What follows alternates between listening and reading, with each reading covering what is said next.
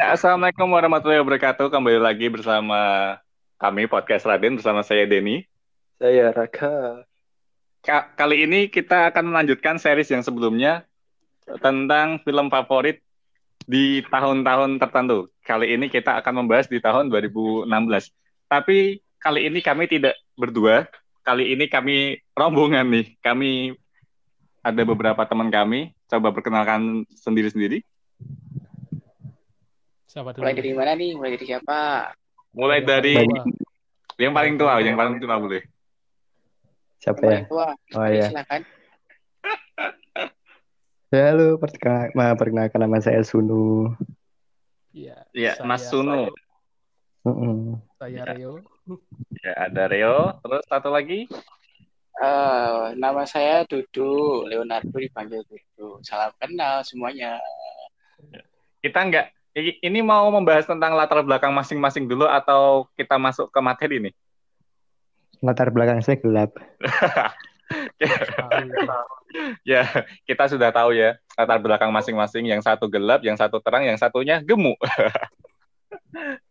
Jadi mungkin kita langsung masuk ke materi saja ya.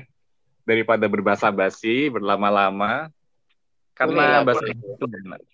Ya, kita mulai dari saya dulu mungkin. Kalau film favorit, saya di tahun di tahun 2000 tadi berapa ya? Lupa 2017 ya? Apa 16? Lupa. Di awal ente ngomong 17 guys. ya astaga. Astaga 17. Di tahun 2017 ini masuk memasuk kalau menurutku memasuki eh, dunia perfilman itu sudah berbeda karena kalau dilihat kan CGI itu lebih banyak digunakan di tahun-tahun belakangan 6 2016, 2017, tapi di tahun 2017 itu mulai eh, kayak apa ya guncangan di dunia perfilman CGI-nya itu pun sudah mulai halus, sudah kita bisa menikmatinya itu tanpa pecah-pecah, tanpa ada kritik gitu loh. Kita merasa itu itu nyata. Di tahun 2017 itu menurutku mulai dunia perfilman itu mulai ke ranah yang lebih baik sih. Kalau film Hollywood yang saya suka sih ini Murder of the Orient Express. Oh, Pasti banyak yang sudah pasti banyak yang sudah nonton juga kan. Film tentang. Oh, Anda berarti wajib nonton. Rio, Anda wajib nonton. Ini film tentang eh, kayak Sherlock Holmes sih, detektif. Dia itu memecahkan masalah murder, pembunuhan di dalam sebuah kereta yang di mana ternyata endingnya itu cukup mencengangkan. Kita dibuat alurnya itu kita dibuat seakan-akan kita itu menerka-nerka siapa pelaku sebenarnya. Kita mengiranya cuma satu orang atau mungkin dua orang yang bekerja sama, tapi ternyata ya aku gak mau Awas spoiler. spoiler, awas spoiler, awas spoiler. Spoiler, spoiler. Spoiler. Pokoknya itu endingnya itu cukup mencengangkan. Jadi kalau yang bagi kalian yang belum nonton, wajib valid itu tonton, harus nonton Murder on the Orient Express di tahun 2017. Karena itu recommended recommended banget sih. Kalau itu film Hollywoodnya ya. Kalau film Indonesianya aku suka karyanya Joko Anwar berjudul Pengabdi Setan. Siapa sih yang nggak tahu film Pengabdi Setannya Joko Anwar? Karena menurutku itu salah satu film Joko Anwar yang membuat eh, pandangan tentang sutradara Joko Anwar ini memasuki yang top sutradara sih menurutku sih. Jadi kayak film-film horor kalau sudah disutradarai oleh Joko Anwar, kita menurut wah ini pasti bagus nih. Karena kita melihat dari Pengabdi Setan yang mungkin itu debut pertamanya Joko Anwar untuk membuat film horor ya mungkin ya. Iya kan? Hmm. Itu debut pertamanya kan. Iya pertama kali. Karena Hmm. Karena kalau biasanya sutradara-sutradara yang debut itu pasti bagus. Karena itu sudah dirancang sedemikian rupa, sudah dirancang bertahun-tahun lamanya untuk membuat salah satu karya yang wow gitu loh. Apalagi di tahun-tahun belakangan ini kan juga Joko Anwar juga sering-sering membuat film horor juga kan. Dan itu juga patut ditonton. Oh, Kalau iya. iya kan, film Joko, ya kita membahasnya tentang Pengabdi Setan. Pengabdi Setan ini bercerita tentang keluarga yang cukup harmonis, yang cukup harmonis, yang di mana ibunya ini eh, ingin membahagiakan keluarganya, tapi ternyata caranya tuh salah dan malah membuat keluarganya itu kerepotan. Sampai akhirnya ya seperti itulah tragedi-tragedi yang banyak terjadi, banyak sekali adegan-adegan yang membuat penasaran, membuat kita jantungan, membuat kita kayak naik roller coaster, naik turun gitu. Jadi itu wajib ditonton sih kalau untuk film horor di tahun 2017 itu menurut saya. Kalau mungkin ada yang mau duluan antara Dodo, Sunu atau Reo atau mungkin Raka nih. Siapa? Siapa dulu? Aku nih, keburu lupa. Ya, boleh boleh. Kalau Monggo monggo. Indo, Indo aku 2017 sempat nonton Mili Pamer. Mili Mamet. Nah, Ya, itu cerita lain dari versi ini ya. dia dari AADC 2. Jadi sebenarnya Ah, si Mimi Mili Pamer ini dia juga ada di AADC 2, di AADC juga ada, cuma dia versi waktu udah nikah. menceritakan sisi lain dari Mili Mamet kan, Tapi bukan Cinta dan Rangga. Iya, tapi gokil super. Jadi ceritanya itu si Tentang Mili Mamet. Ya pasti. nggak mungkin Pamet itu dia kayak dia struggle sama orang tuanya. Dia kerja di bank tapi dia disuruh keluar. Dianya ini siapa nih? Itu si Mamet. Oh, Mamet. Bukan Rangga ya? Bukan, ngapain bahas Rangga? Dia udah di Oh iya. Dia terus keluar dari bank gitu. Dia akhirnya buka bisnis kuliner. Oh, Dia pintar masak sih. Dia nawarin makanannya gitu. Akhirnya buka buka bisnis kuliner dan berikutnya itu kocak habis. Lucu. oke. Berarti recommended nih. Komen apalagi Valid nih. Isyana di situ. Isyana Oh. parah banget. Gesrek parah. Itu. Mungkin ada lagi? Saudara Reo? Luar kalau luar 2017 malah gak nonton sama sekali. Anda ini bukan penikmat film. Lebih penikmat musik daripada penikmat film. Atau mungkin mau rekomendasi musik 2017 yang recommended nih? 2000. Nah, film aja dulu. Ya, Dimas.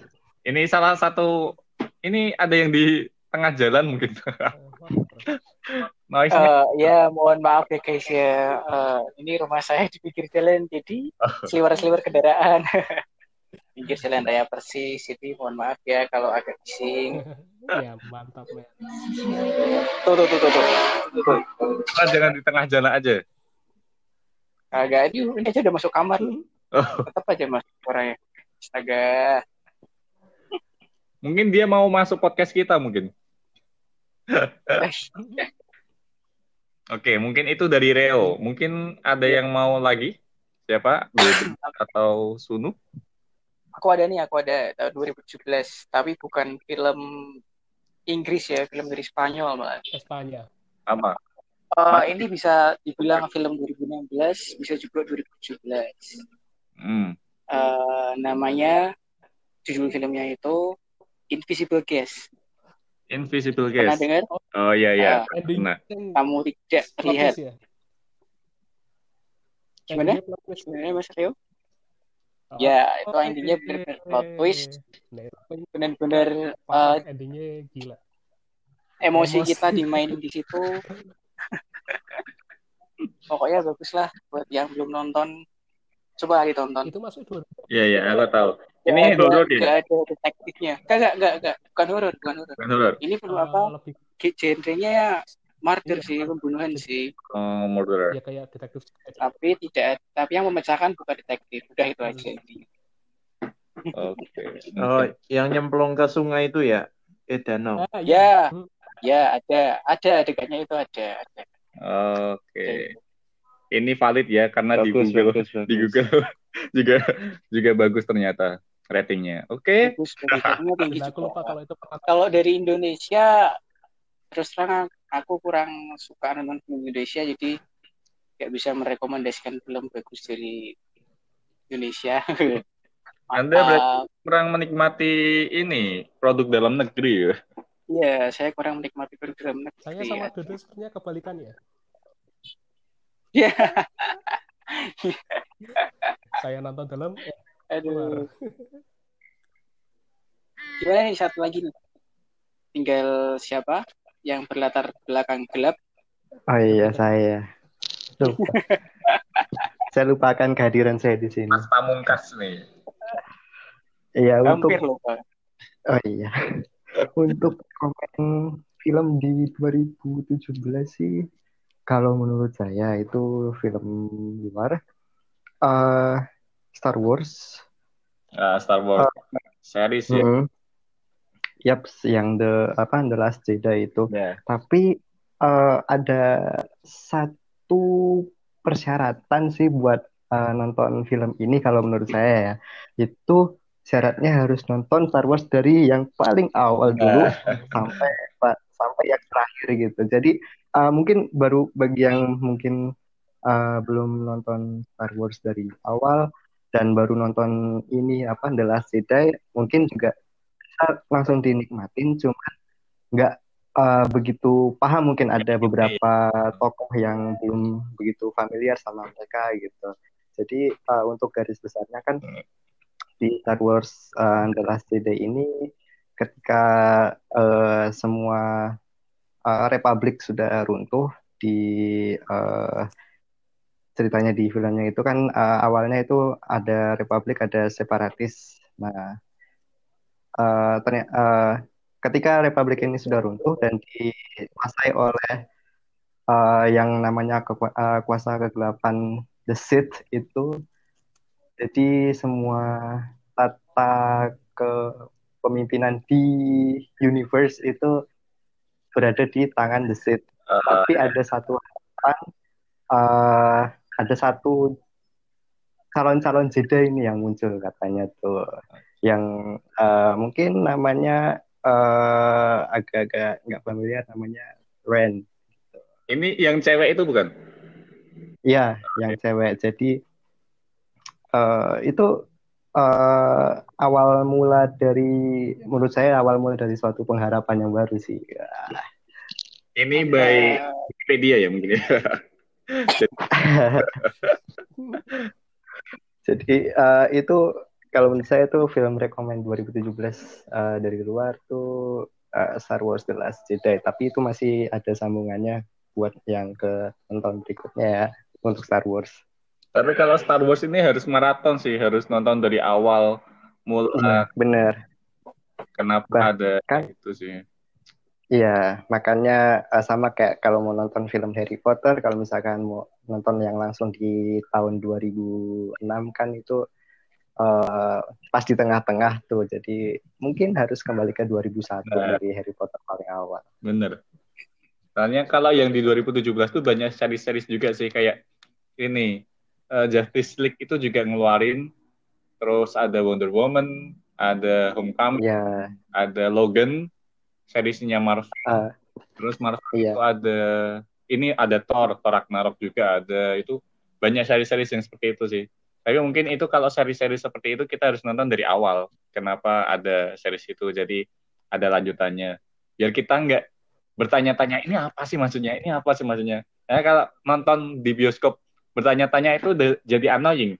Kayak kita sudah membeli tiket, tapi kita nggak tahu asal mula dari cerita itu. Kita malah langsung nonton. Nggak tahu apa yang kita mau tonton gitu sebetulnya. Iya, apalagi kalau ini yang di 2017 tuh ada Fifty Shades Darker Ah, tuh. itu. Itu Film favorit siapa itu? Yang pertama aja belum nonton aku. Itu kalau belum nonton Fifty pertama, Shades itu nonton kedua. adalah Nah, tapi kalau belum nonton yang pertama langsung nonton kedua itu bisa dinikmati sih. Jadi nggak apa-apa kalau Fifty Fifty Shades. Kalau yang lainnya jangan lah, kayak Marvel itu. Tapi kalau Wonder Woman nggak apa-apa. Itu itu yang di Itu. Hollywood ya. Kalau yang di Indonesianya mungkin ada? Indonesia di untuk film 2017 mungkin saya tidak menonton film Indonesia ya. Nggak tahu kenapa saya kelewatan film Indonesia. Bukannya saya tidak suka produk lokal ya, cuman mungkin ada miss miss apa gitu. Mungkin uh, di 2017 ada banyak film dari luar yang lebih menarik menurut saya gitu. Jadi agak kelewat yang Indonesianya. Padahal kalau menurutku di 2017 itu film Indonesia udah mulai ini bisa di ini saingkan dengan film-film Hollywood sih. Kalau kayak ini ada film-film yang recommended itu kayak posesif, terus ada apa itu Insya Allah sah, terus ada apa cinta yang tak direstui apa ya? Ya pokoknya itulah. Pokoknya yang ka- saya kan kalau yang di Indonesia kebanyakan antara horor, kalau enggak ya romance. Jadi ya ada beberapa juga sih yang bagus komedi-komedi juga. The Guy juga penyanyi Raditya Dika itu juga lumayan untuk mengisi kekosongan daripada untuk yang semi-semi komedi, yang komedinya itu ya mungkin receh-receh tapi it's okay. Itu sih Indonesia kalau di 2017. Banyak sih, tapi ya kita hanya recommended satu sih ya. Karena yang the most, the paling paling kita recommend itu. Ya, mungkin dari nanti teman-teman rekomendasi apa gitu nanti mungkin bisa saya tonton untuk yang film Indonesia. Benar sekali. Terus ada lagi mungkin dari Mas Pamungkas? Katanya satu aja, kalau lebih dari satu nggak rekomend Iya, iya, iya. gitu kan. Ya kan mungkin ada yang di Indonesia yang ternyata keselip gitu. Ternyata nggak ada. Oh tidak, untuk yang 2017 emang tidak ada. Jadi kita lanjut ke the last one nih. Raka, coba. Halo, halo. Iya, ya, oke. Mungkin belum ini ya, kita kan Belum connect nih. belum terlalu belum pernah bicara sebelumnya ya mungkin kayaknya ya. Ini kita nggak kenal kan nggak ada apa sih dikira sulap. kita nggak ada yang kali Mas. sebelumnya kan. Apa sih? Iya, nggak nggak ada bayaran masuk kok mas. Nggak ada apa-apa nih. Oke, berarti eh, ini mulai bahas aja mungkin. Aku punya rekomendasi. Bener sih, tapi yang dibilangin sama teman-teman tadi, eh, mungkin Dodo, Sunu, sama Reo juga, eh, aku juga cukup sepakat tahun 2017 khususnya untuk eh, di Indonesia, menurutku emang eh, sebenarnya agak agak masih di landai bawah sih. Ah, ah. Cuman emang ada beberapa film yang yang worth lah. yang ini sebagai pemantik. Jadi tahun 2017 itu emang ada karena yang lainnya itu worst, kemudian ada beberapa itu yang muncul sangat sangat Menonjol. menonjol Hmm. sehingga eh, yang dilihat itu ya terfokus ke beberapa film aja sih. Makanya salah satu salah satu eh, yang paling menonjolkan tadi sih bener sa- rekomendasinya Denny sih apa tadi Pengabdi. Pengabdi Setan. Aku juga suka sih Pengabdi Setan. Tapi kalau eh, untuk aku biar bisa ngasih rekomendasi yang agak beda, kalau dari Indonesia sih ada film cukup menarik. Ini judulnya itu Sweet Twenty. Oh, Sweet Twenty. Sweet Twenty itu pemerannya itu Ca- bukan? bukan Oh. Mi- maka- mukanya mirip-mirip kan. Iya. Aku juga ngiranya pertama itu Chelsea Islan, ternyata bukan. Namanya itu That's- eh, Tasana Safira. Iya. Ini lumayan kecantikannya cukup me- merepresentasikan kecantikan Indonesia. Ini mungkin wajah-wajah Asia. menarik. eh, ceritanya cukup menarik sih untuk refresh sama nostalgia aja sih. Karena aku tipe-tipe retro gitu sih. Hmm. Sebenarnya jadi agak suka suka-suka eh, suasana-suasana 90-an, 80-an gitu aku suka. Ternyata diusung juga di dalam film ini bahwa saya ada seorang nenek-nenek usia 70 tahun ceritanya. Hmm. Dia itu eh, dapat kak suatu keajaiban dari suatu toko foto kalau nggak Oh salah. iya. Dia foto di situ kemudian dia bisa jadi lebih muda, jadi 20 tahun.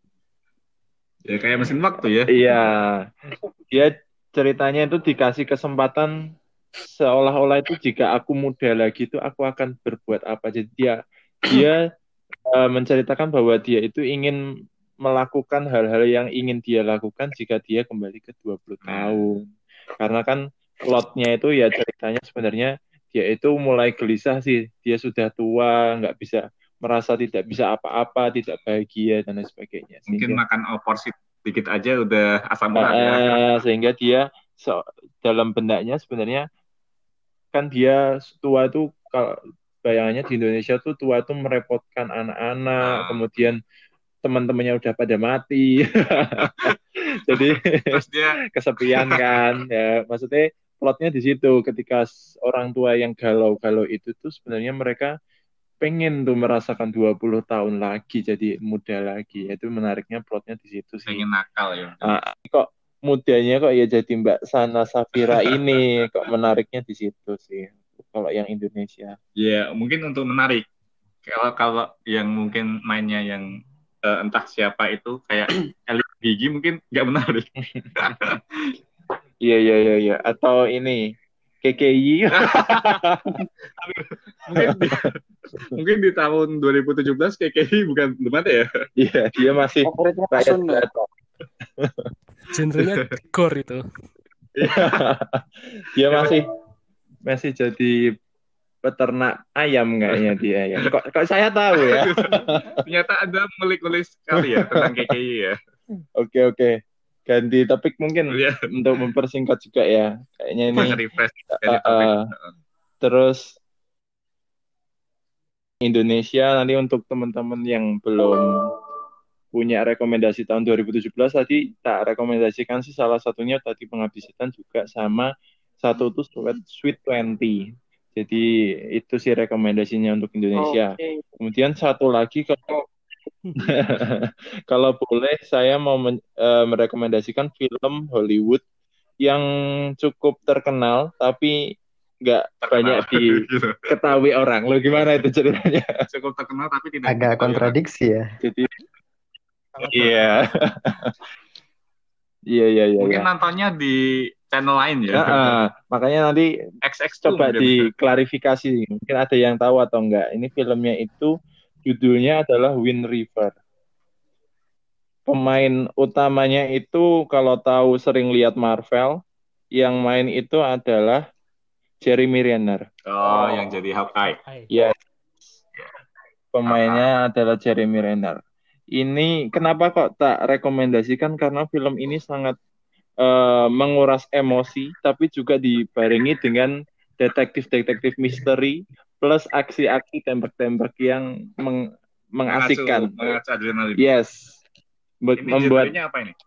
ya itu tadi campur-campur Oh. ya. Ada sedikit romance-nya, ada sedikit family, kemudian ada thrillernya juga. Action misteri juga. Eh, ini campur-campur jadi campur Oh, aduk campur jadi satu. gitu. ah iya jadi kita malah jadi tribut Didi Kempot nanti ya. Makanya makanya ini salah satu film yang benar-benar mempermainkan irama jantung sih. Jadi kadang-kadang kita bisa melo kadang-kadang bisa benar-benar heart beating gitu ya. Kita deg-degan sekali mengikuti plot-plot yang ditampilkan Eh, mungkin si- singkat cerita biar kalian pada penasaran jadi pingin nonton ya si Jeremy Renner ini sebenarnya dia itu adalah seorang penjaga hutan di area eh, pegunungan apa ya salju di daerah Amerika yang di daerah Everest mungkin. saya kurang paham itu ya untuk detailnya saya di Himalaya. bukan tahu eh kurang tahu ya saya intinya yang saya lihat sih daerahnya itu pegunungan bersalju gitu. Kemudian eh, si penjaga hutan ini ternyata dia tuh tinggal di area yang banyak eh, suku-suku Indian di sana. Jadi suku Indian yang semi modern jadi suku Indian tapi yang udah cicit-cicitnya yang semi semi modern gitu sih. Jadi dia udah mau tinggal di rumah. Maksudnya kalau kalau yang suku aslinya kan dia Nomaden. Ah, ah, dia dia dia menghindari menghindari kerumunan sama menghindari modernisasi kan. Iya. Tapi yang ini dia udah pakai mobil terus mau mau tidur di rumah yang seperti selayaknya gitu sih. Jadi semi semi modern. Kemudian eh, plot ceritanya gimana sih? Ternyata si Jeremy Renner tadi dia itu memiliki keluarga kecil. Keluarganya itu terdiri dari satu orang istri dan satu orang anak gadis Hmm. gadis remaja ceritanya. Terus untuk permasalahannya sendiri apa yang terjadi di film ini? Apa? Berpanjang lebar ya kayaknya ya, pusing ya. Mohon maaf ya, mohon maaf ya. Jadi Jadi intinya aja. oke intinya satu si Jeremy Jeremy Renner ini punya anak, tapi anaknya ini eh anaknya. anakku bukan anakmu apa sih? Jadi anaknya si Jeremy Renner ini dia tewas terbunuh oleh remaja-remaja eh, remaja-remaja ngefly. Oh, mungkin bullying, bukan? Bukan remaja-remaja ngefly yang suka Oh, ngirup mabuk-mabuk gitu. ngidep apa menghirup Ganja. menghirup Jangan lem gitu-gitu. Beneran ceritanya gitu. Menghirup Iya ngelem. Jadi ceritanya Kelasnya rendah ya. ya karena mungkin di daerah sana kan anu ya daerah terpencil ya pegunungan kan susah cari ganja apalagi Sabu belum masuk berarti. apalagi dia daerah pegunungan yang dingin bersalju ganja nggak bisa hidup di sana ya maaf ya. Mungkin itu antara gajah sama salju juga ada bedanya ya. Eh, eh, dia nanti susah membedakan. Ceritanya cerita seperti itu.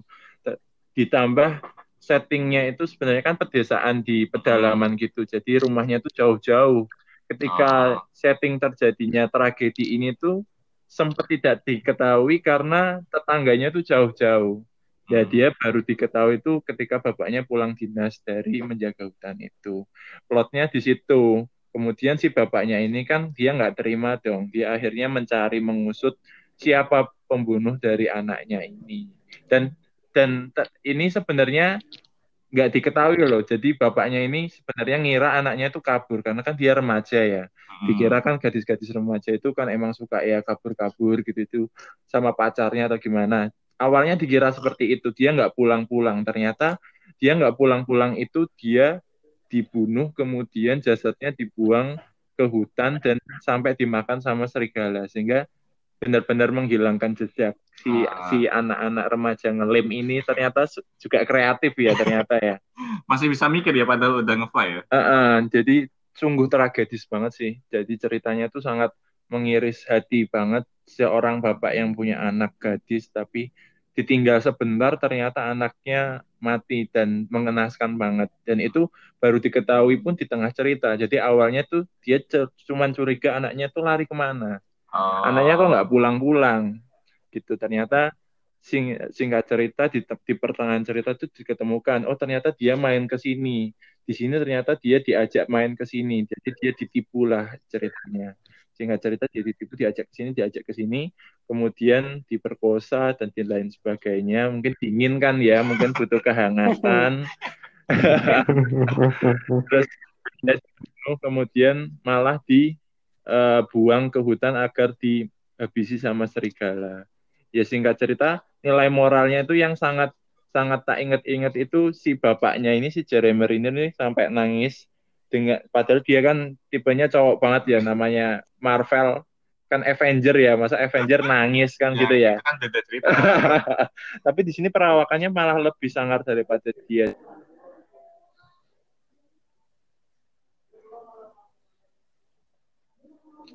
Eh, daerah terpencil gitu ya Ah, dia sosok sangat keras sebenarnya, cuman dia sampai menangis. Kemudian dia cerita ke polisinya bahwasanya eh, ini pesan moralnya sih bahwa dia bilang kita itu sebagai orang tua itu bahkan tidak boleh berkedip.